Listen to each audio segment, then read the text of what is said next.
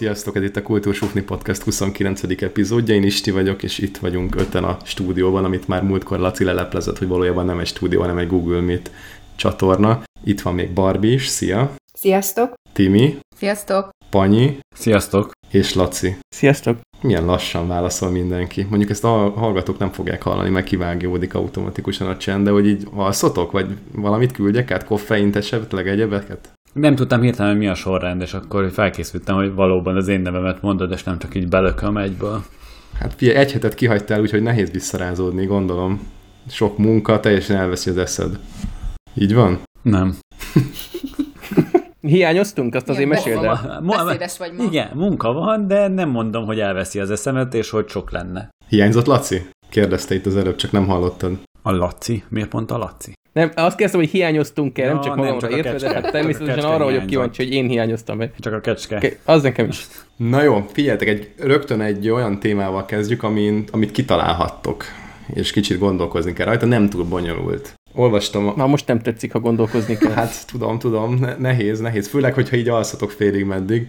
Esperanto nyelvoktatóval volt ilyen interjú, vagy vala, valamit olvastam vele, vele, vagy hallgattam, most erre tényleg nem emlékszem, már hetekkel ezelőtt volt, és azt mondta, hogy itt a koronavírus alatt ő teljesen ellehetetlenült, mert senki nem kezdett el, és nem folytatta az Esperanto nyelvtanulását. Szerintetek ez miért volt? Már előtte se tanult senki. Nem, nem a előtte jó. most kiadták ö, izé nélkül, most a korona figyfene miatt. Kiadták boldog-boldogtalannak a ezer éve beragadt diplomáját, nem azért? De, jó, elfelejtettem, hogy van egy tanárnéni a körünkben. Így azért így könnyű volt. De így Így jó, mert legalább volt. nekem nem Volt. kellett tippelnem. Bocsi. Jó, hát azt gyorsan leütötted. De egyébként azért hoztam a témát nyilván nem csak a találós kérdés miatt, hanem hogy mennyire, mennyire érdekes dolgok befolyásolnak egy ilyen szakmát, mondjuk. Tehát nyilván a csávónak, vagy azt hiszem, azt hiszem csávó volt, volt egy nagyon fix, nagyon jó megélhetés. Ugye több mint tízezer diploma egyébként nem volt kiadva azért, mert hiányzott a, a nyelvvizsga.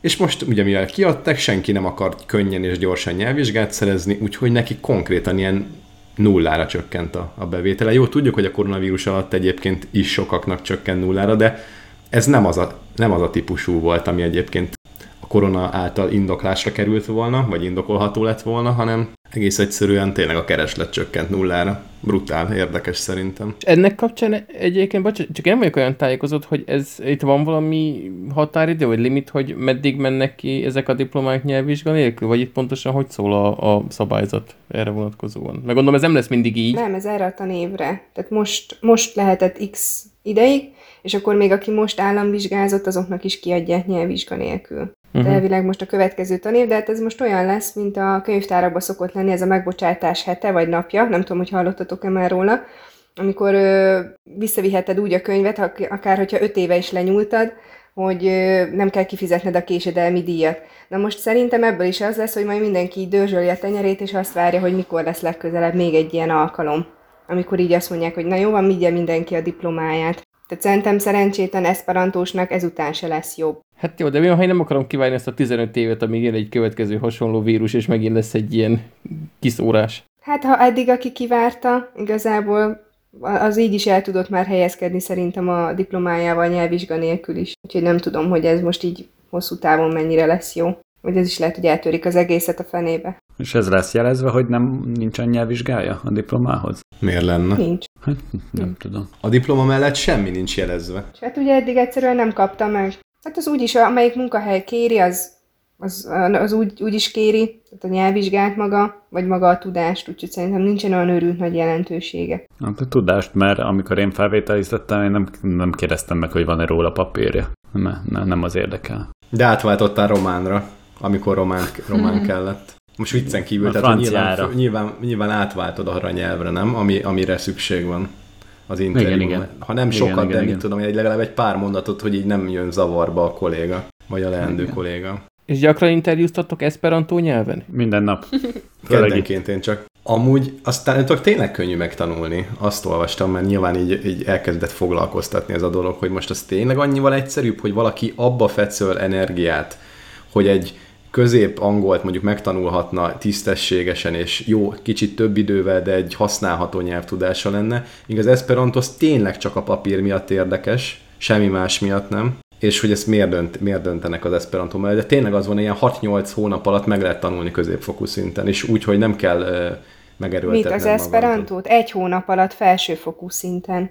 Igen. Nagyon intenzíven nyomod. Ja, ja, intenzíven. Jó, azt mondom, hogy nem kell megerőltetni magad 6-8 hónap, így egy-két órával meg vagy naponta. Nem, mert hogy borzasztó egyszerű a nyelvtana, tehát azt hiszem jelen múlt jövő, de szó, meg ö, ilyen összegyúrt Mm, szókincse van, tehát több nyelvből vannak ilyen olasz, meg mit tudom én, tehát aki már tanult előző nyelvet, annak még könnyebb. Ja, hát Istenek hat hónap a középszint, másoknak egy hónap a felső. Igen. I, hát igen, igen, igen. Elfogadjuk a más-más típusú embereket is, igen. Nekem a latin is sok ideig tartott, úgyhogy biztos, hogy ez is sokáig menne. Jó, hát akkor ez volt az első találós kérdés, és a második is egy kérdés, az pedig az, bár nem tudom a választ, és majd én tippelnék, de, de nem elsőként semmiképp, hogy miért isznak még mindig zacskós tejet Kanadában. Timi, ezt te hoztad. Mondasz hintet, vagy, vagy tippeljünk ez alapján? Nem, hát akkor tippeljél, ha szeretnél. Kíváncsi vagyok. Szerintem nem, nem mondtam, hogy nem először tippelek, hajrá, valaki vállalkozik. Akkor én tippelek, mert nem tudom. De nem, de te tudni mert fogja, nem tudod? De, de ne, ne, ne,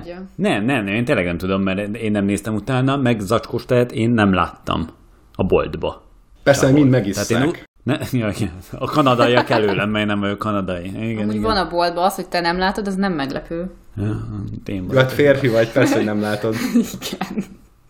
igen. Panyi szoktál járni vásárolni? Lehet ez ott trükk? Ha Szoktam. Szoktam. nincsen szemmagasságban, akkor ő, neki az nem, nem, nem létezik. Alatta, akkor lehet, hogy még alulra kellett, nem. Hmm, Mert hogy még google is rá Zacskós tejet úgy láttam, hogy zacskó, és benne a kis ilyen, amit a kávéba teszel tejet, még az van bezacskózva. A kis, nem De hát ö, tejszín? Tejszín, igen. Te igen, a szó, amit keresett, a tejszín lett? Jó, de nem, de én már ettem tejszínt, ami nem tejszín van, hanem tej volt benne. Szóval tejet is raknak ilyen kicsi, két, millis, két millisbe vagy öt millisbe. Mm, olyat, nem mindegy, és az egész be volt zacskózva, tehát igazából akkor az is zacskós tej, de gondolom én nem arra. Én hívtam Magyarországon, itt még nem ittam ilyet. Nem, nem, ott is tej. Én kaptam 2,2%-os tejet ilyenbe rá volt írva, hogy tej. Ti egy helyen laktok egyébként, együtt éltek? Vagy csak ilyenkor összejöttök erre a felvételre? De jó, de ezt nem itthon itta. Tehát igen, neki igen, a munkahelyén, vagy nem tudom, bárhol osztogathatták. Nem tudom, ezt hol ittad. Szerintem lehet, hogy a munkahelyemen. A Cajánél van ilyen reggeli tej? De az acskós tej fogalmának a meghatározásánál is már Panyi ilyen out of the box gondolkodással igen, rendelkezik. Hogy De akkor az az acskós tej, az az acskós tej, ami Magyarországon is volt 20 évvel ezelőtt Igen, tej. erről beszélek ah. majd. Van ez még mindig. Szerintem is van, bár én már nem jártam ott egy ideje, úgyhogy nem tudom, hogy most mit lehet kapni én, Magyarországon. Én két évesen láttam zacskós tejet Magyarországon. Mert akkor se volt a szemmagasságodban. Ah, kakaót szerintem évesen láttam, mert akkor még csak 140 centi volt. kakaós tejet. És több boltban is lehet egyébként kapni Magyarországon? Biztos. Az ilyen nagyobb áruházakban tuti, meg az ilyen, ilyen kisboltokban is szokott lenni, mert itt is vannak ilyen perverzek, de most már engem nagyon érdekel, hogy miért, miért isszák az acskós tejet. Egyébként ez a kérdés akkor merült fel bennem, mikor ugye most voltam az Ontár- ontáriói farmon, amikor áfonyát szedtünk, és ott, amikor reggel a kávémhoz tejet öntöttem, akkor ezt a műanyag zacskós tejet találtam abban a szép, sárga műanyag kiöntőben, amit gyerekkoromban láttam utoljára. És akkor így, ú, akkor ezt be kell vinni témának, mert ez nagyon jó, úgyhogy ezóta utána olvastam. És az a helyzet, hogy most Kanadában egyrészt ugye ezt az zacskósat lehet kapni, másrészt ugyanúgy vannak dobozos tejek, amiket amúgy mi iszunk, meg vannak ezek a nagy műanyag kannák, tudom, ilyen négy literes, amit a USA-ban... 3,6, mert gallonos. Bocsánat, szóval, hogy a USA-ban a filmeken mindig ezt néztem, hogy kivezik a hűtőből az óriási műanyag flakont, és akkor itt tolják az arcukba a tejet belőle. Pohár, az, az jó is, az jó is volt, az jó is volt. Igen, na, tehát elvileg olyanok is vannak, bár nem tudom, én ilyet még sosem vettem, úgyhogy nem tudom, hogy nagyon hogy működhet, mi csak dobozosat vettünk eddig. De lehet kapni négy literes zsákban ö, zacskós tejet. Ez azt jelenti, hogy van egy ilyen tök nagy zsák, amiben négy, ö, négy liter tej van, és úgy, hogy három kis zacskóban van ez a négy liter. Tehát, hogy itt nem egy literesek ezek a kis zacskós tejek, hanem 1,33% literesek. És ugye ebből hármat összeraknak, akkor egy ilyen 4 literes zsákba berakják, és egy ilyen óriási zsákba meg lehet venni egybe a három zacskós tejet. Tehát a zacskós tejet A zacskós tej még zacskóban van. Akkor lehet, hogy láttam zacskós Már nem műanyagmentes július, már augusztus van látni. Extra ja. műanyagos augusztus. Sajnos Kanada az nem túl jó a műanyagmentességben egyébként. De akkor itt külön nincsen, nincs is egyesével az az 1,3 literes? 4 literes láttam eddig. De én ebben a koncepciót sem értem. Úgy van, hogy, hogy ezeket az acskos tejeket, ezeket a 60-as években kezdték árulni itt Kanadában. Előtte üvegekben lehetett kapni a tejet, csak aztán széttört, meg nehézkes volt a szállítása, és pont ez volt az az időszak, amikor Kanada elkezdett átváltani az angol száz mértékegységrendszerről az SI-re, és innentől ugye literben kellett számolniuk a tejet is, és a farmereknek igazodniuk kellett ehhez az új rendszerhez, és át kellett méretezni a korábbi tejtárolókat, de a műanyag zacskóknál volt ez a legegyszerűbb, tehát ezért ezeket, ezeket alakították át úgy, hogy literben tudják ráírni, meg literben tudják mérni, és nem is Quebecben indult ez a sztori, hanem Ontario tartományban volt leginkább, meg ott volt egy olyan szabályozás is Ontárióban, hogy ha műanyag kannában árulják a tejet, akkor, akkor mindenképpen ilyen visszaválthatós rendszerben kell árulniuk. És ez bonyolultabb volt, és ezért maradtak a zacskósnál, mert hogy a zacskósnál nem volt ilyen, és valamiért nagyon szeretik ilyen négy literes kiszerelésben venni a tejeket. Úgyhogy nem Amúgy én is olyanba annyira. venném. Teljesen, teljesen hát jó az a kiszerelés. Én nem iszom amúgy... annyit, de amúgy persze, meg a visszaválthatós rendszerbe veszed, az még szerintem a környezetnek is jobb, de... De, de nincs papírban? Mivel bonyolultabb volt, mert mint hogy ilyen tetrapakban. Aha. Hát, mert akkoriban még csak az acskós volt, tehát akkor még nem volt nagyon tetrapak, amikor ez a szabályozás volt. Tehát akkor volt a, a műanyagkannás, meg az acskós, de az acskós ez sokkal mm, köl- költségkimélőbb, meg egyszerűbb volt. Azt értem, hogy a kettőből egyszerűbb volt, de most már egy jó ideje azért lehetne ilyen tetrapakkos papír akármilyen hát dobozban van, is, nem? mondom, hogy van olyanban is, csak az a helyzet, hogy hozzászoktak. De meg négy literes nem tud csinálni belőle. Tehát még talán fél gallon, tehát az 1,8-al még uh-huh. el vagy. Igen, de, de milyen kis fél gallonos aki... nem, mert nem két literes. Ö, nem is tudom, hogy már mennyi. Azt hiszem 1,83 vagy ja, valahogy ja, Hát ilyen másfél liter körül van amúgy. Na mindegy. Szóval ez a lényeg, hogy hozzászoktak ahhoz, hogy megveszik az acskos tejet, és hozzászoktak a gyerekeik, meg annak a gyerekeik, meg mindenki, és ezért így nem váltották át mondjuk papír dobozosra, vagy, vagy lehet, hogy erre a műanyag kannásra is ezért nem váltottak át, nem tudom.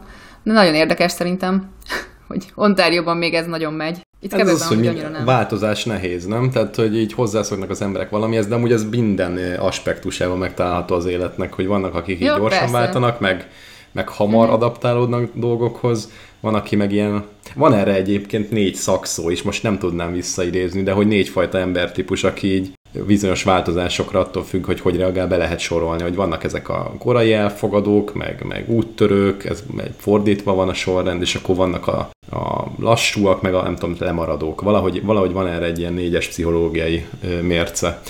De szerintem ez mindenhol igaz. És érdemes ezt is figyelembe venni amúgy csapatépítésnél például, ez most csak így eszembe jutott félig meddig a témától függetlenül, de hogy nyilván ott is az van, hogy, hogy akkor ott a kanadaiak ezt megszokták, valószínűleg sokan, sokan vannak azok, akik így nem tudom, most lemaradók vagy, vagy tehát, hogy úgy állnak hozzá, hogy nem szeretnék nagyon megreformálni ezt a helyzetet, és elégedettek ezzel, akkor, akkor miért ne? És akkor maradt a zacskós tej. És még annyit hozzáteszek, hogy Kanada másik oldalában, például Brit Columbia tartományban, ott teljesen hülyének nézik az ontárió, ontárióiakat, hogy még mindig zacskós tejet isznak, mert hogy náluk meg ez teljesen eltűnt. Tehát, hogy, hogy lehet, hogy ott nem is volt egyáltalán, vagy lehet, hogy csak kevés, de hogy ott már nem, nem lehet ilyet kapni, és, és ők is ilyen nagy kérdőjellel néznek rájuk, hogy de hát miért? Ha már maradunk ezen a gasztrovonalon, akkor nézzük már meg, hogy aki egyébként vendéglátástól nem áll messze, tanárnénink, hozta ezt a témát, ugye,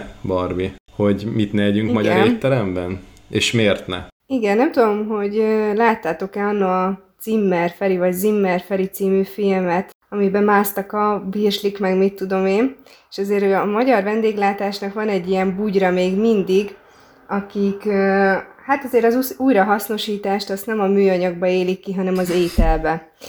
Úgyhogy ha ilyen ekte kis uh, étterembe mentek, amilyen, hát ez a csárda jellegű, akkor most nem azt mondom, hogy mindenhol erre kínosan ügyeljetek, hogy ezeket ne fogyasszátok, de praktikus ö, kihagyni. Egy komplet menüsort mondanék.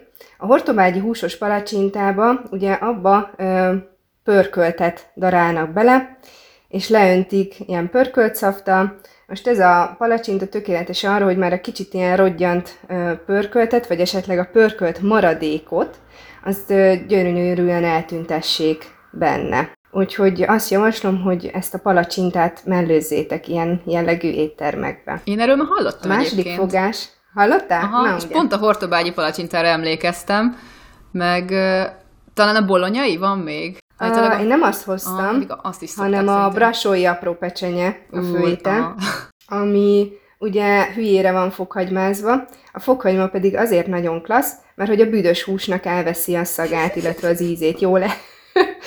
jól elnyomja. Úgyhogy, úgyhogy a brasói apró pecsenye ez ebből az apropóból született, hogy a büdös húst újra hasznosítsuk. És a végére hagytam a desszertet, ami a somlói galuska, ami gyakorlatilag már a, a, hát a rodgyant sütemények gyűjtőhelye, mert ugye össze lehet darabolni apróra, egy ilyen rumos, vaníliás, sodós, csokis szötymi, szötymivel leöntöd, semmit nem érzel már belőle, tehát meg nem mondod, hogy milyen sütemény volt előző életében a somlói galuska. Az aromáktól nem is nagyon érzed, hogy az már most két hetes esetleg, vagy, vagy, vagy azon visszahozta a vendég, nem ízlett neki egyebe. Úgyhogy a somlói galuska pedig erre tökéletes. Úgyhogy ha ilyen jellegű helyeken jártok, akkor én ezt a három ételt nem javaslom, hogy fogyasszátok. És ezt ti is csináljátok? A szüleimnek presszója van, ahol nincsen étel. Süti nincs. De természetesen elhatárolódunk, nincs, fagyi van, de az, azzal meg nem lehet súnyogni. Kávé. Elhatárolódunk az énektől, de az édesapám ő, ő pincérként kezdte a karrierét, és ott ezeket tapasztalhatta. Az a hely már egyébként megszűnt, ahol ő dolgozott, nem azért, mert hogy a brassói apró pecsenyét A galuska volt. a büdös húsból csinálták, vagy a galuska miatt. Egyszerűen ezek ilyen vendéglátós trükkök. Szerintem, hogyha most ezt valaki pincér vagy vendéglátós hallgatja, akkor akkorákat bólogat, hogy leesik a feje, és még lehet, hogy másik húsz ilyen kaját is tudna mondani, ami, ami ilyen újrahasznosított. Úgyhogy a magyar gasztronómia az olyan kreatív, mint a magyar ember, és újrahasznosít, tehát no waste. Én egyébként süti vonalon még a, a puncs szeletről hallottam, uh-huh, hogy ez is igen. ilyen mindenféle maradványértéknek a, a, a gyűjtőhelye. Ettől függetlenül én imádom, tehát a, én- azt mondom, hogy ha így is van, én azt beszoktam vállalni, mert én azt nagyon szeretem, úgyhogy én veszélyesen élek. Voltál már rosszul tőle? Nem, még nem, úgyhogy Akkor minden rendben. lehet, hogy addig. Nem tudom, ez a, én a somlói galuskát ugyanígy, tehát hogy én azt eszem. Meg az nekem úgy jó. Nem baj, hogy romlott. Egészségedre, nincs Jó ezzel lesz. baj. Mondjuk azért a büdös húsból készült brassói versus a szikkat piskótából készült somlói közül én is a somlóit választanám. Azt így. De azt egyébként tudjátok, hogy ha a henteshez is mentek, tehát ott is megvan, például ilyen piacon vesztek húst vagy egyebek, ott is megvan a taktikája annak, hogy a büdös húsból hogyan varázsoljanak kicsit gusztusosabbat, illetve nem büdöset, ott például ecettel szokták lemosni Vagy Chanel parfümmel. Pesten lehet, előfordulhat, igen. Simán előttem van, hogy a Hold utcai piacon ott Chanel parfümmel pintyögtetik a húsikat. Itt, itt, ö, itt ez az ecetes lemosás megy, azt tuti. Úgyhogy vannak ilyen guszta dolgok. Szerintem elkezdtük a hallgatóinkat a vegetáriánus életmódra növelni. Se műanyag, se hús. Én hús nélkül nem Szoknyat bírnám. zöldségek. Ja, hogyan legyen szép zöldség. Mi a halal el vagyunk? Vagy hát így én, a Panyi, Ú. Panyi néha eszik húsit. Vagy más A húsit. hal az nem hús. Jó, mindig, mindig tudom. Igen, szóval, hogy más nem hús. húsit is eszik. Azt tudtátok, hogy a, a katolikus egyháznak van egy ilyen hivatalos állásfoglalása, ö, ez még egy ilyen régi bőjtös hagyományban ered, hogy valaki nagyon szeretett volna már bőjt alatt húst tenni a valami egyházi tisztségviselő, és azt mondta, hogy hát a hód az végül is vízben van, meg ott úszik benne, legyen akkor a hód is hal, mert halat azt lehet tenni, és ezért hivatalosan a hódot halnak nyilvánította az egyház, hogy lehessen bőjt alatt hódot enni. És mai napig Egy lehet? kis hódszték. Úgy tudom, hogy ez nem lett visszavonva, úgy főleg, hogy azért vannak a, az egyházban ilyen hagyományelvű szabályozások mind a mai napig, nem lepne meg, hogyha a hódot még mindig hall lenne. Képzeljétek, tegnap láttam borzot. Most a hódról jutott Én meg kispált. Borzot? Hol? Ó, Itt a környéken tegnap este ilyen 8 fél 9 körül bicikliztem haza, és így átment előttem az úton. Olyan kis aranyos volt. Így rázta a popóját. De megismered a borzot? De ez nem vad? De nem mentem a közelébe. Ja. Csak úgy Jobban távolról láttam, hogy be, bement egy ilyen ház, ház mellé ott magánterületre, hogyha nem mentem utána, hogy hello, hadd csináljak borzról fotót. A mosómedvék viszont megtámadnak. És ott dagadtak a mosómedvék? Ezt hát, is kérdezni. Nem soványak, azért jól laknak a kukából. Mi, pazaroltak? Micsoda? Nem a, ti, nem a ti kukátokból laknak jól. Ja, nem, nem, nem, nem, nem, nem a más. Utcai kukákból Utcai. szoktak enni, lakmározni. A mormotát láttam még, azok még kedvesek. Meg vidrát is láttunk. Annyi állat van itt, itt mindig látunk valami izgit. Igen. Mi a legdurvább, ami... Van valami mérgező? Ez nem Ausztrália. Nem, hogy ha megeszed, mérgező. Aha, vagy ha ő megeszt téged, az úgy kellemetlen. Mondjuk akkor hiába hát, ha a Maci megeszt, megeszt téged, akkor annyira nem jársz jól szerintem. Meg a jávorszarvas is elég köcsi. Szép, amúgy, nagy, nem? igen. Olyat még nem láttunk. Maci sem. De majd egyszer talán, remélem távolról. Laci azt mondja, ez nem Ausztrália, mint csak ott lennének egyébként olyanok mint egy bőr. De ott minden is mérgező, meg megöl. Ja, mér, mérges koalák. Barbie említette a jávorszarvast. Én imádom ezeket a kanadai jávorszarvasos videókat, amikor a, a, az ilyen kis hideg északi településekre sétálgatnak az utcán, ilyen nagy böszme állat, tényleg írtó nagy, és láttam egy videót, hogy valami orvosi rendelőbe így besétált, megállt a váróba, szétnézett, vagy megfordult, és kiment. És az emberek így nem voltak különösebben fönnakadva, hogy azért úgy hátráltak, hogy az egy tonnás állat hetapossa össze őket, de hogy nem ütköztek meg, hogy ott van egy böszmen, egy szarvas a rendelő közepén, ott szerintem szokolnak hozzá. Mekkora ajtó volt ott a rendelőben, mert... Egy, egy ilyen, nagy, fo- ilyen nagy fotocellás volt, úgyhogy be tudott menni, mert nem ilyen kis kilincses, úgyhogy azon úgy át volt. így. Meg így kis térdre ereszkedett, és így bekúszott rajta. A, a macskarésen. Viszonylag ja, nehezen, ja. nehezen férve. Marha jó. Ezt nem szabad enni, ezt a hármat, de mit szabad enni? Ez egy reklám lesz, kedves László. Fizettek nekünk ezért? Nem, de azért be fogom mondani, mert hát ha fognak. A következő témát az egy reklám inspirálta, ugyanis a, a napokban ö, görgettem az Indexnek a földi maradványait, és ö, szembe jött velem egy ö, Heinz majonéz reklám, ami az a szlogenje, hogy Velünk az utolsó morzsa is elfogy már 150 éve, és a képen látható egy tányér, van rajta keresztbetéve egy kanál, meg néhány ilyen kis ételmaradék foltocska, tehát ez nem a zero waste dolog, és hogy görgettem, ugye, ott tudtam, hogy ott szokott lenni a reklámblokk, ezért hogy rutinból átgörgettem, és így csak a tányér képén akadt meg a szemem ami ugye elvileg arról szól, hogy ez egy csak ilyen morzsák, amik maradtak. Én azt hittem, hogy ez valami fine dining étteremnek a reklámja, mert annyira úgy nézett ki az a tányér ott a kis műtyűrökkel úgy beállítva, hogy így, így, így aztán láttam, hogy, hogy valami morzsa volt még odaira, mondom, mi a szösz, és visszagörgettem, és akkor láttam, hogy ezt így elsőre rosszul kódoltam le. Gondoltam, akkor már behozom témának, hogy ö, ti mit szóltok ehhez az egész ilyen ö, fine dining témához, mert most egy picit egy utána olvasgatom, hogy mit is jelent ez, mert azt azért hallottam, hogy itt a, főleg a magyar fejekben elég sok helyen ilyen ö, tévképzetek vannak, hogy az, az ilyen baromi drágán két falat, és azzal nem lehet jól lakni. Uh, úgyhogy én nem akarom ezeket a tévhiteket azért erősíteni, mert azt így spoiler alert, én nem vagyok a rajongója ennek, a hát hozzáállásnak. Üm, ugyanis ugye ezek ilyen degustációs menük szoktak lenni, ahogy olvastam, ugye 6-8 fogás, és azzal azért jól lakik az ember, mert mindenből egy kicsi, és ahogy így tudnak róla írni, hogy ilyen gasztronómiai utazás, ilyen íve van azoknak a menünek, hogyha valamelyik költők nagyon szereti a fine diningot, akkor bocsi, de kicsit kekesz leszek. Szóval egy ilyen gasztronómiai íve van ennek az egésznek, és az már művészet, meg csoda, meg nem tudom, és azt kell mondjam, hogy nekem nem az a bajom, hogy jaj, most itt keveset adnak, meg, meg, meg miért kerül annyival, mennyibe benne vannak az alapanyagok, benne van a szakértelem, de nekem annyira taszít ez a... Megértem, hogy valaki kreatívkodik a konyhában, megértem, hogy, hogy ö, nyilván nem olyan a mama főztje, mint amit egy ilyen Michelin csillagos étterembe kap az ember, de ez a 6-8 fogás, és akkor a krumpliból a tejszíhabot csinálunk, meg, meg, meg mindenből egy kicsit, és akkor ö, így nyolc tányért tejkozunk egy kajásra, szóval nekem Nem neked kell mosogatni, az Laci, voltál ilyen... már ilyen helyen? Tehát nem az, hogy a végén oda mennek, és onnan néz, és elmosogatsz. az az érv. Van mosogató. ja, akkor lehet, hogy akkor lehet, hogy nem, nem jó helyen voltam. Nem, nem, az, az nem a falusi menza volt, ahol most... ilyen van. Meg, a, meg az iskolai menza. Ott egyébként mi is Menjél mosogatni, nem tudod kifizetni. Az a problémám, hogy, hogy én ezt olyan kicsit olyan pazarlónak élem meg, hogy nem tudom, egy ember étkeztetésére ugye azt nyolc fogást azt mindig el kell készíteni, nyilván az nincsen úgy kiszámolva, nyilván abból lesz egy csomó maradék, nyilván abból nyolcszor annyi mosatlan generált, szóval én, én nem tudom, ez, ez, én úgy élem meg, hogy ez már a, ez a fiam ne játsz az étellel szabálynak ellentmond egy kicsit, és most lehet, hogy tudom, nagy teljesítmény, meg versenyeken én abszolút az ilyen Bokhuzdorról szoktam olvasgatni, hogy miket csinálnak, meg azt, az tök érdekesen követem, de valahogy ezekkel az ilyen nagyon luxi éttermekkel, meg kajálgatással nekem még össze van kapcsolva a fejemben a, a ronyrázás, meg a, meg a sznobizmus, meg egy picit taszító dolog.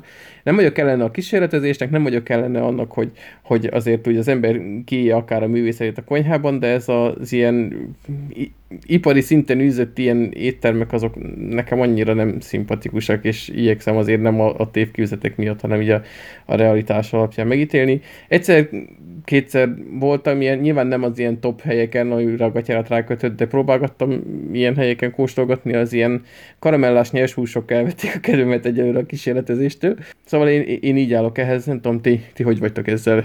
Én soha nem próbáltam még a fine diningot. Én, én sok hallottam érte. Ez, ez, ez olyan, mint hogy vannak a 20 ezer forintésre veszek egy bort, lehet, hogy tök jó, de most a, lehet, hogy a 8000 is ugyanaz például, tehát, hogy meg a whisky ugyanez, tehát, hogy megvannak, biztos jó lehet, egyszer ki kell próbálni, de ne, nem az én világom.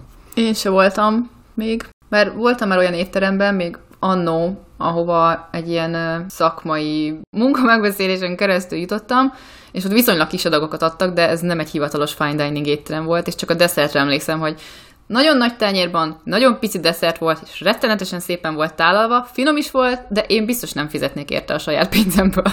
Annyit már nem érne nekem se. De amúgy finom volt. Kis adagos étteremben én is voltam, de így amikor így kirakták, akkor tényleg olyan kevésnek tűnt, megettem, és így jó volt. Tehát azért szeretem, amikor ilyen kisebbek adnak nem a jó magyar telirakod, és nem, nem tudod megenni, mert akkor e, e, eszem egy levest, az tök jó, utána jön egy második, és akkor még jut hely egy kis desszertnek, ami pont az se egy nagy, hanem pont annyi kell hozzá, és akkor így össze tudod tenni. Mert általában egy ilyen étteremben egy főadag, és utána se desszert, se semmit nem tudok már enni, mert jól laktam bele. Én nem voltam még ilyen étteremben, voltam már olyan jellegűbe, ami erre hajazott, és próbáltak is rávenni, hogy egyen végig a menüsor, de ugye tanári fizetés, tehát nem, nem gondoltam, hogy két, két heti béremet ott verem el. Én azt gondolom, hogy nyilván az ember mindig arra törekszik, hogy újítson, meg valami ö, újat hozzon, azért is alakulhatott ki ez, hogy túl akartak lendülni valamin, most ha ez valakinek élvezetet jelent, akkor, akkor váljon egészségére. Én, én nem gondolom rossznak. Um, azt nem szeretem, amikor olyan alapanyagokat használnak föl, ami, mit tudom én, ilyen, ilyen bánahús, meg ilyen, ilyen baromságok, meg ami, um, aminek az előállítása nagyon sok energiával jár. Tehát ezeket, a, tényleg ezt mondtad, ezt a rongyrázást, azt én se szeretem, de amikor így össze eltalálják az ízeket, és mit tudom én, van tízféle alapanyag a tányéromon, és ez jó összhangban van, azt, azt én például szeretem.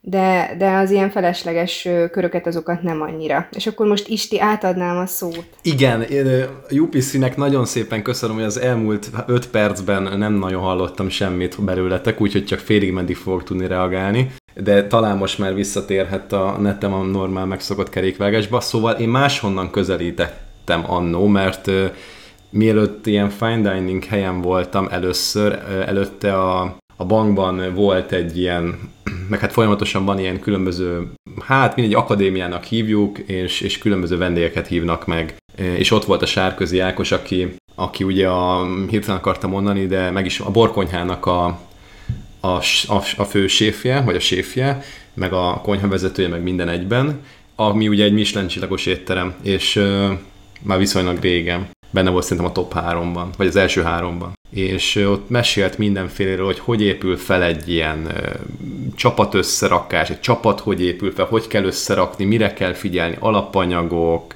mennyi minden történik ott, és a többi, és a többi.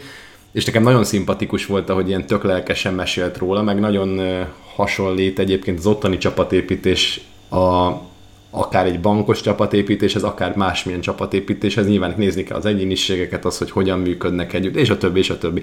Tehát nekem, nekem ez a rész nagyon szimpatikus volt, és amikor ott beszéltünk az Ákossal, így privátban is, akkor utána elmentem még az akkori barátnőmmel a borkonyhába és nagyon drága hely amúgy, de hát mint a fine dininghoz képest normális, de hát nyilván egy sima étteremhez képest drága. Nem ettük végig a menüt, meg nem degustációs menü volt, hanem ettünk egy főételt, meg egy leves talán, talán valami kis borral, aztán így is ott hagytam a fél fizetésem, de mindegy.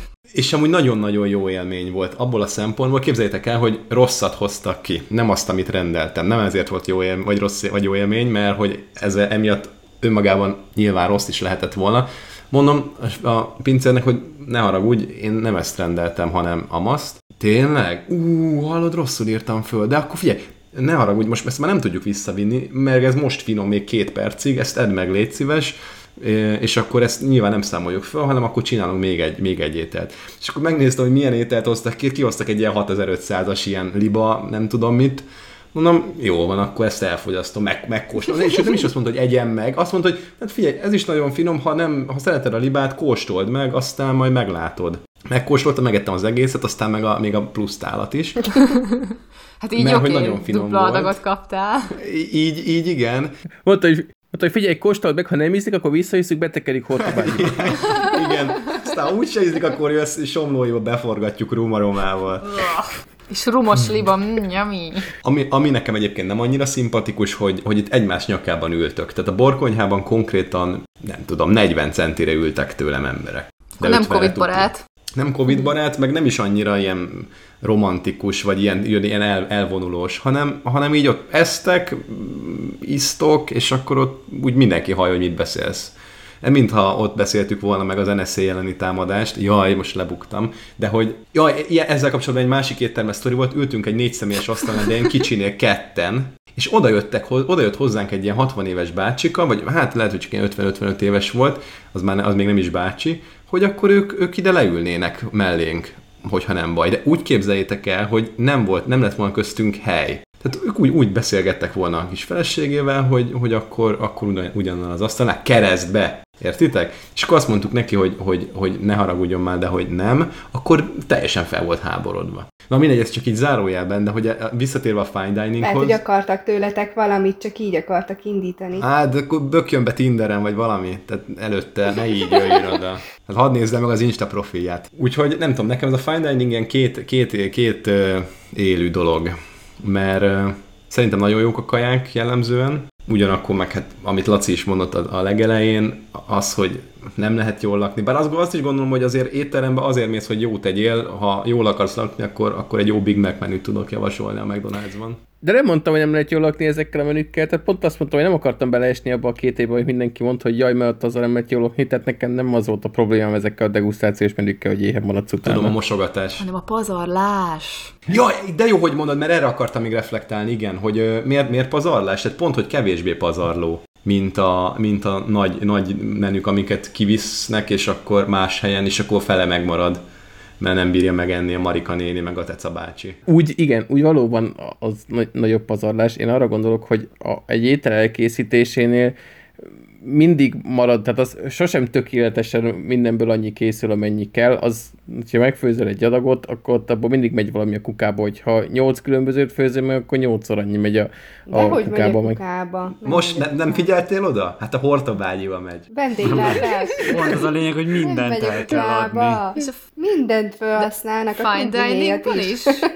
De itt Persze. is, jó, nem Mondjuk itt már sem dísznek belőle, Vagy konfitálja, vagy marinálja, vagy még kreatívabban kipanírozza. Milyen szalatot ismertek. Ja. De biztos, hogy nem, nem, hagyja, nem hagyja ott a fine diningba, és belerakják a nem tudom, valamiét. Á, nem, nem, nem, a fine diningba ott hagyják amúgy. Az biztos, hogy nem rakják bele másba a, a, a félig kész, meg a már, már kész cuccokat. A levesnél is az volt, hogy úgy hozták ki, hogy, hogy hogy azonnal kellett fogyasztani. Tehát ott ugye a, le, a lé az külön készül el, szinte az összes levesnél lehet, hogy van egy-kettő kivétel, vagy hogy külön tálalják, és kihozzák így a jó, de ott nem csinálnak 5 litert belőle. Kihozzák a hardvert, odaadják, és ráöntenek valamit, ami, ami meg egy ilyen... A szoftvert ráöntik. A szof- szoftvert ráöntik. és akkor tessék, futtassad. Force slang. A pocitba be. Csak hogy legyen tek is. Lehet, hogy kicsit magam ellen fogok beszélni, de ugye mondtad Balbi, hogy jó, főleg az ilyen kevésbé Michelin csillagos helyeken fogalmazunk ki, ugye mindent is felhasználnak, amit lehet. Én egy nagyon rövid ideig, egy-két hónapig diákmunka keretében ö, dolgoztam. Michelin csillagos séfként, diákmunkaként. Michelin csillagos diákként, nem. Michelin babaként, azt jobban elhiszem. Még ez sem, de már közeledik. egy ö, banknak a, a, a menzáján dolgoztam mosogató fiúként, és ott azért láttam, hogy hogy mentek a, a dolgok, hogy úgy, ugye meg voltam menni, meg úgy körülbelül belőtték, hogy, hogy mi az, ami kell. Tehát az első, ami ilyen nyilván eszébe jut az embernek, hogy a menzán mindig marad valamennyi, azt utána annak egy részét hazaviszik a, a konyhán dolgozók, és még mindig marad valamennyi, és akkor az meg megy a moslékba, tehát hogy az, az ott tényleg ez egy elég pazarló, és ami nekem nagyon durva volt, hogy ugye ott is vannak kaják, amik több alkotólemből állnak, nem tudom, pörkölt tésztával, meg rizs, meg akármi, és akkor, ó, jó, még azt a két nagy kondér tésztát főzzétek ki, ott állt két bazi kondér tészta, és akkor a végén, ja, ez nem is kellett, és így úgy, úgy ott ment a kukába, tehát eszméletlen pazarlás ment, ott. Rengeteg elkészült kaja ment a, a, a mostlékba, és még úgy is, hogy nyilván az ember az ilyen maradékba azért visz haza, amit tud, mert azok tök jól tudnak jönni, úgyhogy még a menzakonyha az, ami ilyen piszakú pazarló tud lenni, az abból a kevés tapasztalatból szűrtem ezt amit én láttam, de hát az nekem mondjuk logikus is, hogy azt, amikor több száz embert etetsz úgy, hogy minden pöcre legyen kész kb. ebédidőre, akkor ott valószínűleg nem tudod belülni tökéletesen minden alkalommal, hogy mennyi lesz az az adag, mert inkább több legyen, mint kevesebb, mert az ciki, hogyha hoppon marad, a, aki fogyasztana. Hát meg van egy csomó Európai Uniós szabályozás is, hogy a moslékkal, meg a maradékkal mit lehet kezdeni. Most nyilván ez nem szinonimaként használom a moslékot, meg a maradékot, de hogy már a moslékot sem lehetett egy időben odaadni a, akár a malacoknak sem, mert hogy oda is külön, nem tudom, elemózsiát kellett kenni, kenni kellett a vajaskenyeret, hogy nehogy megsértődjön a malac amivel bizonyos tekintetben egyet lehet érteni, de hogy már olyan szempontból, hogy ne a, a, a, a a szó szerint trágyát kapja meg a, a malac, mert hogy utána meg nyilván azt ő beépíti, aztán mi meg megesszük őt, tehát... És nem lesz finom a brassói akkor. Hát ez az, ez az, moslékos brassói. Magyarországon a, a disznónak a moslékkal való etetésének van egy ilyen romantikája, hogy ezt mindenki csinálta, ugye otthon is, szüleim is neveltek disznót mindig. Ne szerénykedj, Laci, ne szerénykedj, te is neveltél disznót, ezt azért hangozzon el itt. Va- valóban, valóban így van. Ő, ő nem kapott moslékot soha. És um, én ilyen igazi ipari moslékkal, tehát itt a, ebben a mosogatójárásban találkoztam, és azt meg kell, hogy értsem az uniónak az álláspontján, azt tényleg baromi undorító, és hogyha ezt ilyen emberi fogyasztásra szánt állatnak odaadjuk, lehet, hogy én se ugrálok a plafonig, mert ott hűtőben volt tárolva, de azért csak ott napokig gyűlik, csak ki szeret, csak ki marad, rohadt büdös és undorító, úgyhogy az, azt hiszem kezdem megérteni, hogy miért jött ez a szabályozás, mert tényleg nagyon visszataszító. Én kevésbé romantizálom már a moslékot. Hát ezt nem tudom, hogy eddig romantizáltad, és hogy miért, de Szerintem ezt most így elegánsan elengedjük, jó? Köszönjük a, ezt mint a, múlt héten a kecsk, mint a múlt héten a kecskés témát, most a moslékot. Kecske hát, Azért kiderülnek dolgok. Kecskének se adnék moslékot. Utolsó gasztrotémánk, ha már így egy blogba foglaljuk, akkor a gyilkos töltött káposzta. Mit lehet erről tudni? Ezt a témát én olvastam az Indexen, és ott arról volt szó, hogy csináltak egy ilyen felmérést az elmúlt évtizedbe, hogy végigvették, hogyha az adott emberek csak a saját kultúrájuknak megfelelő ételeket ennék, tehát hogy csak a, ma- a magyarok csak a magyar kajákat, akkor a Nyugat-Európából minél inkább Kelet-Euró- Kelet-Európába mész, annál kevesebb lesz az átlag életkor ha csak azon élnél. Mert hogy egészségtelen a, a nemzetközi kaja, a nemzeti kaja? E, igen, igen. Minél inkább keletebbre, igen, igen. És akkor azt hiszem, ami 85 év volt a Nyugat-Európában, és akkor elment az oroszokhoz, akkor meg csak valami 70-re lecsökkent. Na de akkor nézzük csak meg, tehát Anglia mondjuk elég nyugaton van, meg mondjuk ott spanyol, portugál, ott mit tesznek? Csúroszt, meg fish and chipset.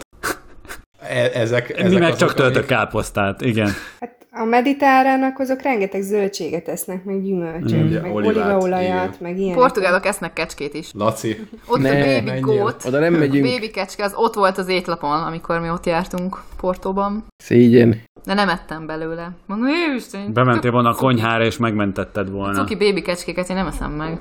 Csak a nagy, nagy fejlett állatot. Nem, már az se. Kecskét én nem ettem szerintem sose. De mi a portugál nemzeti kaja? Azt tudjuk? Ma oké, most lesznek kecskét, de attól még nem lesz nemzeti kaja. Van valamilyen, itt én ezt úgy neveztem, hogy lében úszó meleg szendvics. Ami pont Jó, de hát az olyan, mint a lángos, tehát nem hiszem, hogy az... Hát igen, egy ilyen gyors kaja tulajdonképpen, de ezt nagyon sok helyen lehetett kapni Most nem fog eszembe jutni a neve. Meg az a kis sütemény van nekem még meg. Sütemény. Az a, az a kis ilyen ráncos szélű sütemény, olyasmi, mint Ja, egy ilyen... igen, igen, a, a Nata, valami Nata. Azaz, azaz, igen, nekem sem jut eszembe a Valami neve. P betűs az első. Első szó. Nem. Pináta. Nem, Valami nem nata. az. Pinyáta. Az például nagyon finom. Azt, azt szeretem. Pastais. Pastais de nata. Azt hiszem így van a neve. Nem tudom, egyébként az olasz pizza is nem, nem annyira zsíros, mint, mint a magyar. A Londonban lettem egyébként a legfinomabb portugál ilyen nátát. De amúgy itt Montrealban is van egy portugál étterem, amit egyrészt azért nagyon szeretünk, mert nagyon finom a kávéja, ott ittem eddig a legjobb kávét itt Montrealban, de ilyen natá is, natájuk is van, meg egyébként még egy csomó más kaja, de nem hiszem, hogy csak portugál, mit tettünk, hamburgerek is vannak, ez nem, nem éppen portugál kaja. Meg egy gyors googlizás után azt láttam, hogy elég sokféle halétel van a portugáloknál, úgyhogy ott is divat a halacska. Szóval szerintem a mediterrán étrend az jó. Pastel de náta. Igen, meg val- vala, nem tudom, pastaisnak is írták szerintem még pár helyen. De ez nagyon-nagyon finom. Uh-huh, tényleg finom amúgy. Meg Olaszországban én azt tapasztaltam, amikor kim voltam, hogy nem húsmentesen étkezek, meg ott vannak a szerránosonkák, meg hasonlók, de ezek az ilyen nagy disznótoros kaják arra nem divatok. Pizzára is egyébként, hát szerintem több általában a választékban a vegetáriánus pizza, mint a nem vegetáriánus pizza, és amelyiken hús van azon, és tényleg ez a baromi vékonyra szeretett szerránosonkák vannak, amikért én nem is rajongok, mert nagyon rágós, meg ropogós, az ilyen kicsit olyan mm, nehezen fogyasztható, tehát mondjuk így ebből a választékból meg is értem, hogy annyira ne, ö, nem terjedt el, viszont ö, pékáruban az talán annyira nem egészséges, de nagyon sokféle ugye pékár, ilyen focaccia, meg pizzák, meg mi- mindenféle ilyen lisztes cuccok, de abban is mindegyikben ott van a paradicsom, ott vannak a, a zöld fűszerek, mindenféle sajtok vannak, úgyhogy ott mondjuk nekem az nagyon bejött. Annak ellenére, hogy én a magyar konyháért is rajongok. Nekem az olasz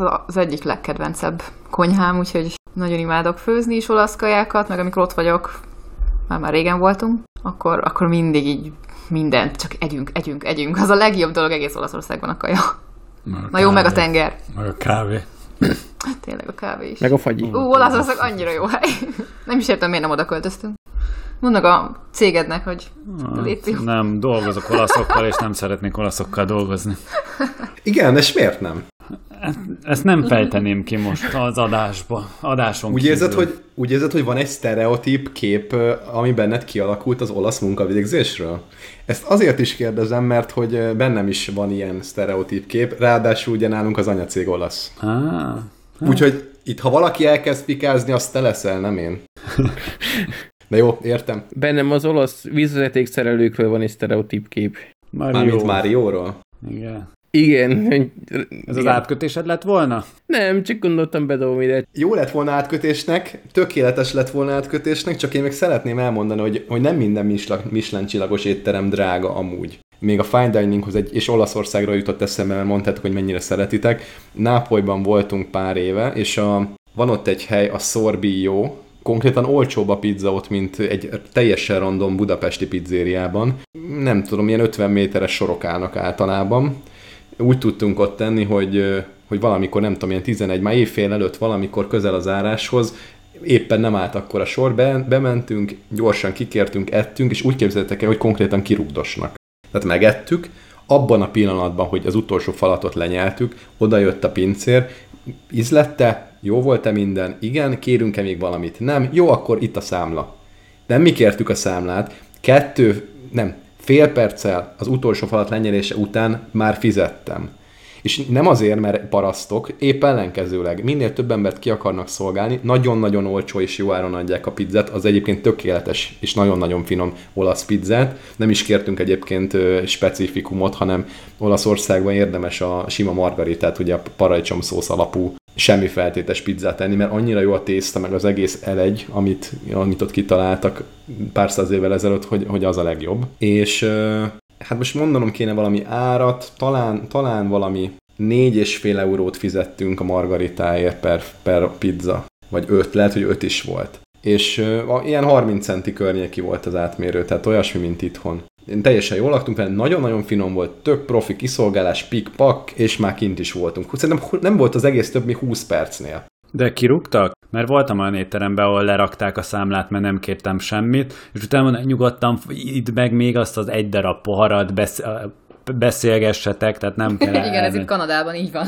De ne, ne, ez nem csak Kanadában, volt még valahol máshol, ahol ez volt, és nem az USA. Tehát nem, a, nem azért, hogy kirúgja, hanem tényleg, akkor lezárja a számlát, nem kell veled foglalkozni. Hello. Nem rúgtak volna ki, csak nagyon erősen volt egy indikáció, hogy na most már húzzá innen, mert valaki leülne a helyedre.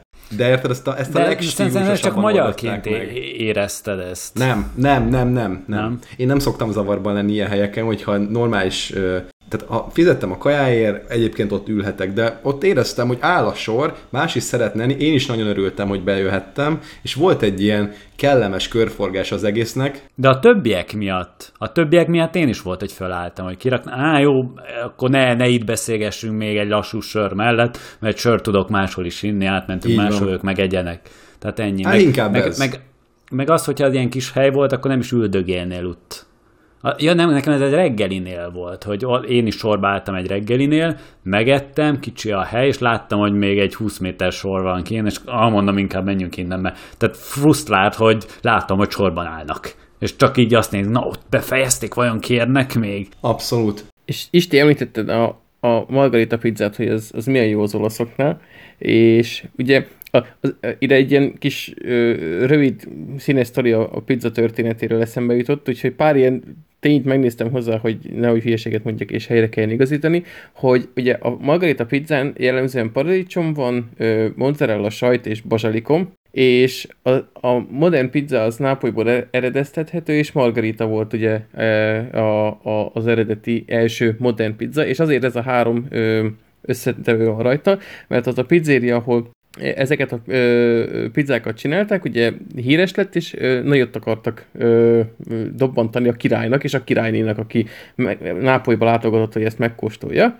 És gondolták, hogy valahogy a nemzetet kéne egy kicsit így megtestesíteni a pizzán, és az olasz zászló színei a zöld, fehér és a piros, a bazsalikomban, a mozzarellában és a paradicsomban hát jelentek meg a, a pizzán, és utána e, ez terjedt el már széles körben Itáliában, Nápolyból szétterjedve, úgyhogy csak margaritára lesz beugrott. És ami még nagyon durva, hogy ez a sztori ö, ugye 1889, 1889-ből származik, és ez a pizzeria a Nápolyban, ahonnan ugye elterjedt a, a, ez az étel, az még a mai napig működik. Egészen elképesztő. És ezt hogy hívják? Hát ezt most nem tudom, mert most a lapot, amire volt írva. Javaslom a Ctrl-Shift-T-t, vagy a Command-Shift-T, amivel újra nyílik a fül. Egyébként csak azért kérdezem, mert hogy amikor ott voltunk Nápolyban, akkor emlékszem, hogy ez volt a dilemmánk, hogy a legrégebbi pizzériába menjünk, vagy ebbe a szorbióba, amit viszont a legjobbnak tartanak, és mi emellett döntöttünk. Mind a kettőbe kell. Pizzeria Brandi a neve. Most így nem rémlik, de simán lehet, hogy az volt. Úgyhogy mi ez emellett döntöttünk, nem a legrégebbi. A legrégebbi az jó-jó, az egy tradíció. Amikor Skóciában voltunk, akkor vagy, egészen pontosan Edinburghbe, igen, akkor elmentünk például a Rollingnak a Ten Elephant, Elephant, vagy valami ilyesmi kávéházába, ami nem is Rollingért, csak ő ott írta Harry Pottert, Pottert, és nem azért, mert jó ott a kaja, sőt, borzalmas angol reggelit tettünk ott, vagy English breakfast Skóciában, lehet, hogy ezt nem is illik, és most valaki megkövezné legszívesebben, de hogy de hogy valamikor azért mész el egy helyre, mert ott valami tradicionális dolog történt, vagy valami esemény, de a kaja nem jó, és most itt mi kifejezetten azt szerettük volna, hogyha az étel az, ami jó minőségű, és nem baj, hogyha nem 200 éves a, a, a, az étterem. Ide még egy kérdés, hogy tűzek már be. Egy English breakfast, ami tükörtojásból, babkonzervből, meg kis kolbászkákból áll, az hogy tud rossz lenni? Zsíros tud lenni, nem? Paradicsom is van benne. Árérték arányban tud rossz lenni. Ja, hogy drága volt. Az is van benne, amit a Barbie mond, igen. Tehát több dolog van benne, amúgy nem három, nem három dologból áll. Bár kétség kívül ezek a legfontosabbak, mert alapvetően mondjuk egy magyar reggelibe bármit is eszel reggelire, nem szoktál babot fogyasztani. Te lehet, Laci, mert ugye a kecske, kecske után, meg a moslék után persze előfordulhat, de ugye egy normál ember nem biztos. Úgyhogy, úgyhogy igen, igen. Kicsit zsíros volt, meg nem volt meg ez a hát többször is ettünk a English breakfastet, és, és éreztük, hogy hol jó, és hol finom. Teljesen más volt így az e- íz egyveleg. Volt, ahol sokkal jobban csinálták, és jobban esett. Nem azért, mert élyesebbek voltunk, azt tegyük hozzá. Tehát reggel minden... minden volt. volt. Nem is volt sokkal olcsóbb amúgy, de itt tényleg kifejezetten drága volt. Valami English breakfast, amit nem tudom, 10-12 fontot fizettünk azért. Na, és akkor az úgy mondom, jó van, itt, itt írt a Rowling a, a Harry Potter, lehet, hogy mi is írunk valami jó blogposztot, vagy valamit megéri, ennyit megér. De és nem írtunk se jó blogposztot, oh. nem, nem írtam blogposztot, és a kaja se volt jó. És Rowling se jött be abban az egy órában, amíg ott voltunk, úgyhogy szomorúan arrébb álltunk. De ott sokkal jobban esett az English breakfast, ahol egy kis maradékot belekevertek még az előző napokban. Hát lehet volt a rollingot belekeverték.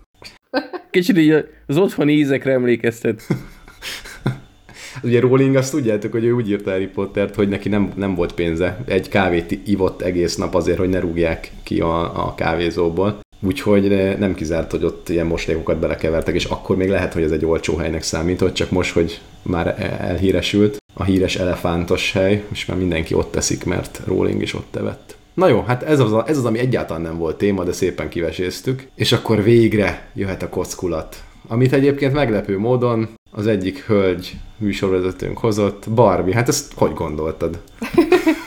Igazából agyaltam rajta, hogy nehogy itt ö, csoportos menstruációba törjünk ki, most már valami témát én is ö, hozok, és ö, arra gondoltam, hogy vala, kicsit nosztalgiázzunk, ö, nosztalgia szele melengesse keblünket, és eszembe jutottak azok a drága jó sárga kazettás játékok, ami hát én ilyen csóró verzióban nyomtuk, mi feljártunk Pestre a Józsefvárosi piacra, illetve itt Kecskeméten a lengyel piacon. Laci nagyban bólogat, bocsánat. Igen, ö, ott vásároltuk meg ezeket a drága jó kazettákat, illetve a játékot, ami ugye hát gyakorlatilag egy ilyen Nintendo koppintás volt. És ugye, hogyha a háztömb, méreti, háztömb méretű ö, tévéhez hozzá kapcsoltad, akkor tudtál vele játszani.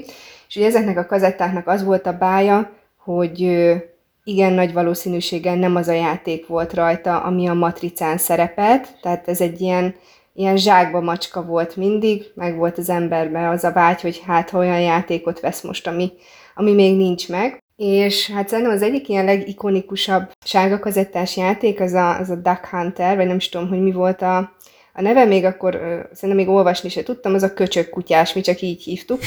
Mert hogy ugye, ha nem lőtted le a kacsát, akkor iszonyat aljasan tudott röhögni, és, és nagyon, nagyon irritált, és engem még arra készített, hogy még bénább legyek, úgyhogy ez többnyire abba uh, torkollott, hogy egy kicsit uh, elküldtük a kutyát melegebb éghajlatra, aztán Mortal kombat egyet, mert abban nem volt olyan sok stresszforrás, csak egyikünk meghalt és kész.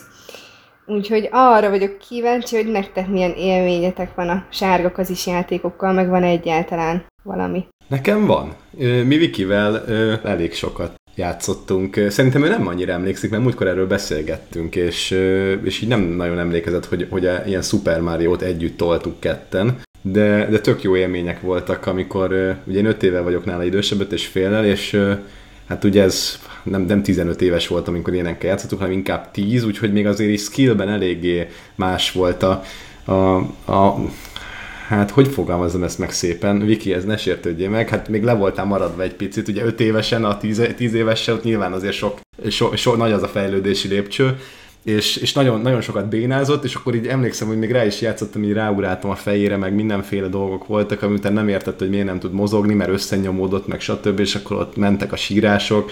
Na hát ez, ilyen, nekem ilyen élményeim vannak. Meg az, hogy nekem soha nem volt ilyen konzolom, kivéve ezt az egyet, ezt a sárga kazettás, azt hiszem, hogy Sega volt. De majd Laci kijavít, mint a... Az volt ráírva. Az volt ráírva. Na, hát akkor, akkor még el is találtam.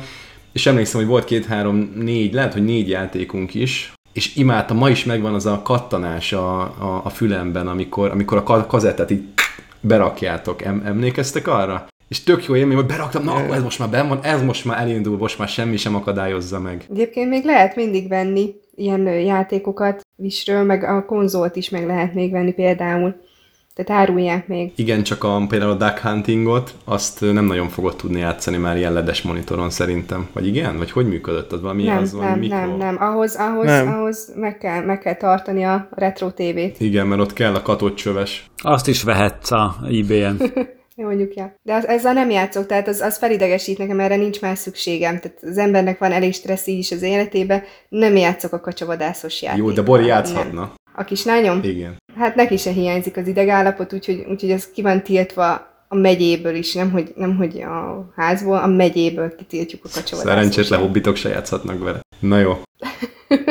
Laci, neked már nyílt a szád, csak tátok te? Igen, Backstreet mert- Boys dalokat énekelsz, és pucsinyiban? Soha nem hallgattam Backstreet Boys-t, úgyhogy még az is lehet, csak nem tudom, hogy az. Na de visszatérve, gyerekkorom jelentős része egyébként ilyen sárgalkazettás Sega nyomkodásával telt, úgyhogy én annak már, amikor karácsonyra megkaptam az elsőt, már, már akkor is nagyon-nagyon örültem neki.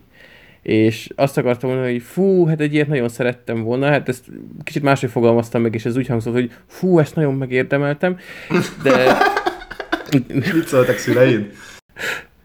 De, hát ebbe szállóige lett de mai napig fel szokták emlegetni, hogy, hogy, hogy én azt nagyon megérdemeltem. Velem relatíve ritkán fordult elő, hogy nem az a játék volt benne, mint ami a matricán, vagy egyszerűen nem jöttem rá, hogy egyébként ahhoz nem az a matrica tartozna. És uh, ami még ilyen uh, klasszikus relikvia ebből a korból, az a egy kazettán tízezer játék, ami igazából öt játék, de külön föl volt véve mindegy egyes pályája egy új játéknak, és, és akkor így valahogy kijött a nem tudom száz darab, és ráírták a tízezret, úgyhogy ez volt még az, az utolsó ilyen klasszikus fajta, és a Super Mario mindegyik ilyen rajta volt persze. És az én kedvencem a Duck Hunt mellett az a Jurassic Park volt, mert én akkor hát nagyon nagy díromániás voltam, és akkor mi a dino, úgyhogy nekem az már úgy elég volt, meg, meg egyébként szerintem az, én minden mai napig azt gondolom, hogy ez, egy- ez egy tök jó ilyen kis, eredetileg azt hiszem SNES-es játék volt, és az, hogy mennyire voltam ügyes a videójátékokban, azt mutatja, hogy amikor így egyszer csak megszállt az ikrát, és én gimiben újra elővettem az ilyen ö, sárgalkazettás játékokat, de lehet, hogy akkor már PC-n van mi emulátorról, amikor már menteni is lehetett meg ilyesmi. Én akkor vittem végig először, mert soha nem jutottam a végig, mert baromi béna voltam bennük, és további kihívás volt, hogy jó, általában ezek a játékok nem voltak összetettek, mész, lősz, vagy, vagy mész, azt motorozol, vagy nem tudom, lövöd a kacsákat, azt ennyi. De például ebben a Jurassic Parkosban néha voltak ilyen kis fejtörők, hogy megfelelő sorrendben kellett ilyen számítógép terminálokhoz menni, vagy ki kellett nyitni a kaput, és akkor visszamenni a pálya elej- elejére, de egy büdös szót nem beszéltem angolul, tehát én úgy random nyomkodtam, amíg előbb-utóbb csak ki nem esett ö, valami. Úgyhogy még ez is nehezített. A, a legnagyobb kihívás az mondjuk már PC-s játék volt, amit nem értek, hogy hogy csináltam. Ugye volt ilyen ö, parképítős játék, ahol rengeteg szöveg volt, hogy mi, mi történik, meg mit hogyan kell, és még akkor sem tudtam egyébként angolul, mert még akkor is kicsi voltam ilyen al- alsós, és így mai fejjel megnézve, jó, nyilván elolvasom, megértem, mi van odaírva, de hogy annó ilyen mindenféle ismeret nélkül csak az ikonokból, hogy a viharba jöttem rá, azt nem tudom, szerintem sok időm volt, azt próbálgattam, úgyhogy engem ezek még lenyűgöznek, hogy mikre voltam képes. Akkor még. Megérdemelted. Meg hát. Panyi, Timi, nektek? Volt a sárga kaz is. Nem, nekem sose volt ilyenem, képzeljétek. Még mindig uh, PC-n játszottam, kb. 7 éves koromtól, úgyhogy nekem kimaradtak ezek a kazettás játékok. És csak a Sims, vagy nem? Ö, hát még, még előtte, nem tudom, volt autóversenyzős, meg lövöldözős, meg, meg dzsungelkönyve, meg hupikék, törpikék, meg ilyenek, szóval ennyire emlékszem kb.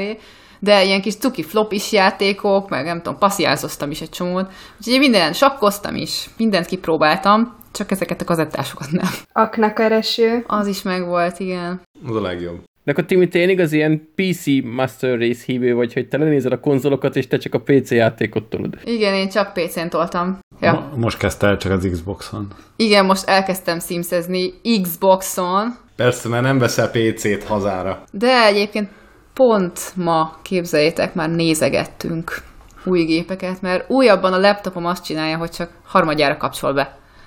úgyhogy, úgyhogy már nem működik olyan jól. Szegényke 9 éves. Megvárjuk a Back to School akciókat.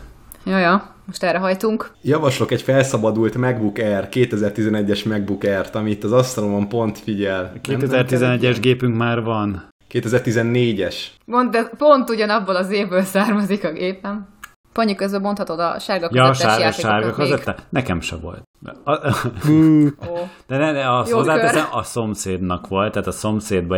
A, tehát az volt, hogy nekünk Sinclairünk volt, Bob Sinclair? olyan kazettás volt, hogy rendes ilyen magnó kazettán voltak rajta a játékok, tehát oda kellett tekernem, elindítanom, és akkor betöltött. És akkor utána. És ha nem találtam el, hogy melyik felén van, meg hogy vajon rendesen visszaraktátok abba a tokba, amiben az volt, akkor vajon az van rajta, vagy nem az van rajta? Oda tekertem az elejétől kell vajon elindítani, vagy az 20. másodpercre kell tekerni, és akkor ez, ez ment. És nektek is kopott le játék? A sokat játszottatok egy játékot? A Mágnes szalagról kopott le játék? Mert nekünk kopott le.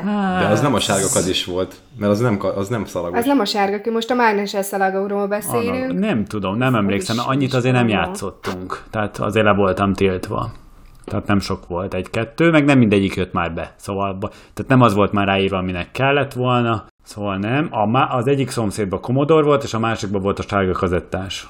És akkor oda jártunk sárga kazettásozni. De ott csak a Mario-ra emlékszem, meg talán volt a Duck Hunt, de szerintem nem volt fegyverük, és azt a Duck Huntot azt másik helyen játszottam. Szóval nem, nem volt. És utána a PC Master rész. Az, az X86-osoktól. 286, 386, 486 Pentium. Tényleg említetted a, a Commodore-t, valakitől ö, mi is kaptunk egy Commodore-t, amikor kicsi voltam, és tényleg az is ilyen, ilyen nulla tudással, de ugye a, a Commodore-nak az elindításához már nem nagyon emlékszem, hogy hogy kellett, de az nem annyi, mint most egy PC-n bekapcsolod az felhasználóbarát, hanem ott valami parancsot kell bepötyögni. És igen, volt, igen, egy, igen, igen. Volt egy darab papírunk, amire le volt írva, hogy mit kell oda bepötyögni. Gőzünk nem volt, hogy ez mit, mit csinál, meg hogy kell, azt tudtuk, hogy az bepötyögi, akkor elindul, és akkor flopikról lehetett a játékokat játszani, de az a papír elveszett volna, többet nem tudtunk volna vele játszani. Nem, ott be kellett raknod a flopit, utána ki kellett listázni, hogy milyen játékok vannak, és fel kellett menni a játék sorába, és ott be kellett lódolni, és akkor vártál. Szóval ennyi egyszerű volt a kazetta, csak így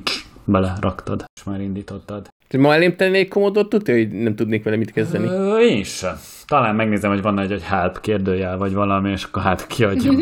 Mi az, hogy nem tudna mit kezdeni? Hát szelektíven gyűjtik a műanyag szemeteket. Oda, abba kellene belerakni.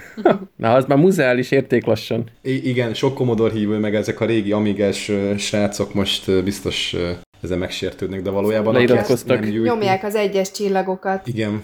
És akkor az utolsó kocka témát egyébként eléggé elhúzódott az idő, lehet, hogy ezt átraknám következő hétre. Egy jó kis legóneses dolog van itt még a talomban. Pedig olyan jó volt, hogy kocka téma, és hát ez duplán kocka, mert a legó is kocka.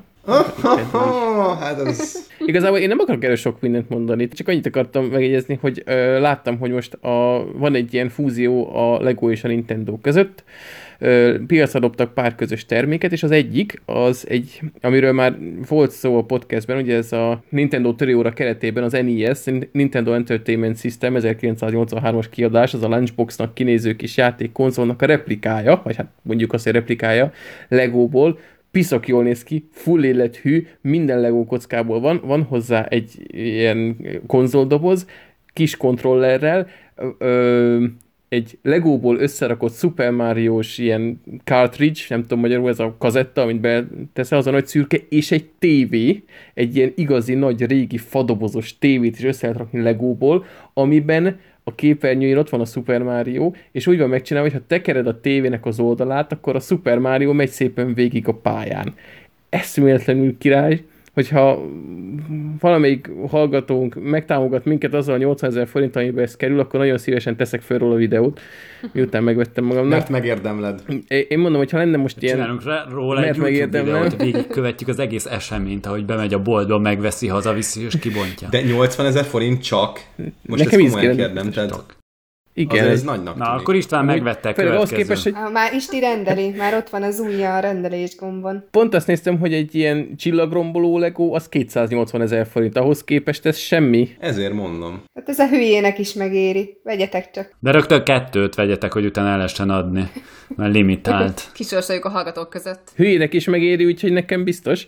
Az a, még egy ilyen kis kiegészítés, hogy van egy másik ilyen Lego termék, hogy Super Mario-s pályákat rendes ilyen kockákból össze tudsz rakni, mert van egy ilyen másik ilyen Lego Super Mario tudsz, és az van egy ilyen olyan Lego Mario figura, hogy van ilyen kis LCD kijelzőn arc neki, meg egy kis hangdoboza van, és ö, ha bizonyos ilyen Lego kockákra ráugrasz vele, akkor az a rendes Super Mario-s hangeffekteket kiadja, tehát igazából te kis Legóból eljátszhatod, hogy te videójátékot játszol csak így élőben. Az kicsit gagyinak tűnt nekem egyébként, de ehhez a tévés cucchoz is, ha oda teszed a, a tetejére ezt az LCD kijelzős kis Super Mario-t, amit a másik készlettel együtt megvettél, akkor még hangeffekteket is ad ki, ahogy ugrál. Úgyhogy az egyébként szerintem elég gagyi, az nem tetszett, mert most minek ugrálsz végig kézzel egy ilyen Legóból felépített pályán, azt nem is értem, hogy mi a koncepció. Úgy hívják, hogy gyerekjáték. Jó, de az általában arra én fogékony vagyok. Ha én azt mondom, hogy ezt nem értem, és hülyeség, azt, arra a gyerek is azt mondja. Nem, mert a gyerek játszik vele, te csak kiraknád az ablakba. Ő is játszana vele.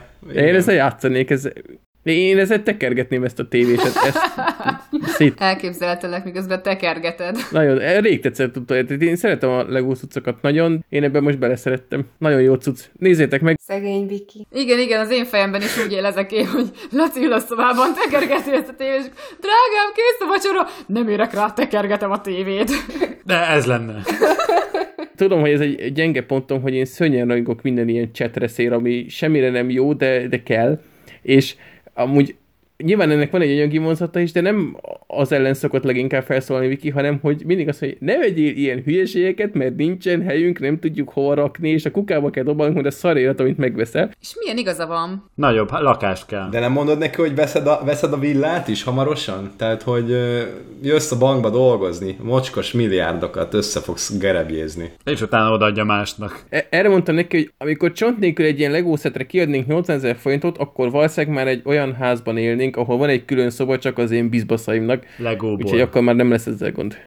Hát egy külön szoba a legós nem, cuccoknak, egy külön szoba Ja, ja hogy úgy igen. venni a Lego papucsodat, amin végig járkálsz. Ú, az lehet, hogy egyre nem kényelmes. Az olyan, mint mindig Lego-ra lépnél a nappaliban. Viszonylag kellemetlen. Ez kínzó eszköz lehetne. De összeszerelnéd azt a papucsot, és a simis részére raknád be. Én, én sose pakoltam a legóimat a szobámba, és egyszer valamikor a sötétbe jött be a szobámba, és nem csak, hogy egy Lego kockába lépett, hanem egy Lego Triceratopsba, uh. azt kell tudni a Triceratopsról, hogy az, az a dino, aminek három éles szarva van, na abba lépett bele mezitláb. Azután határozott nyugodtan meg lettem kérve, hogy pakoljak már el legközelebb a szobán padlójáról, legyek szíves. Ezzel a remek történettel búcsúzunk. Kívánjuk nektek, kedves hallgatók, hogy ne lépjetek Lego Triceratopsra a jövő héten.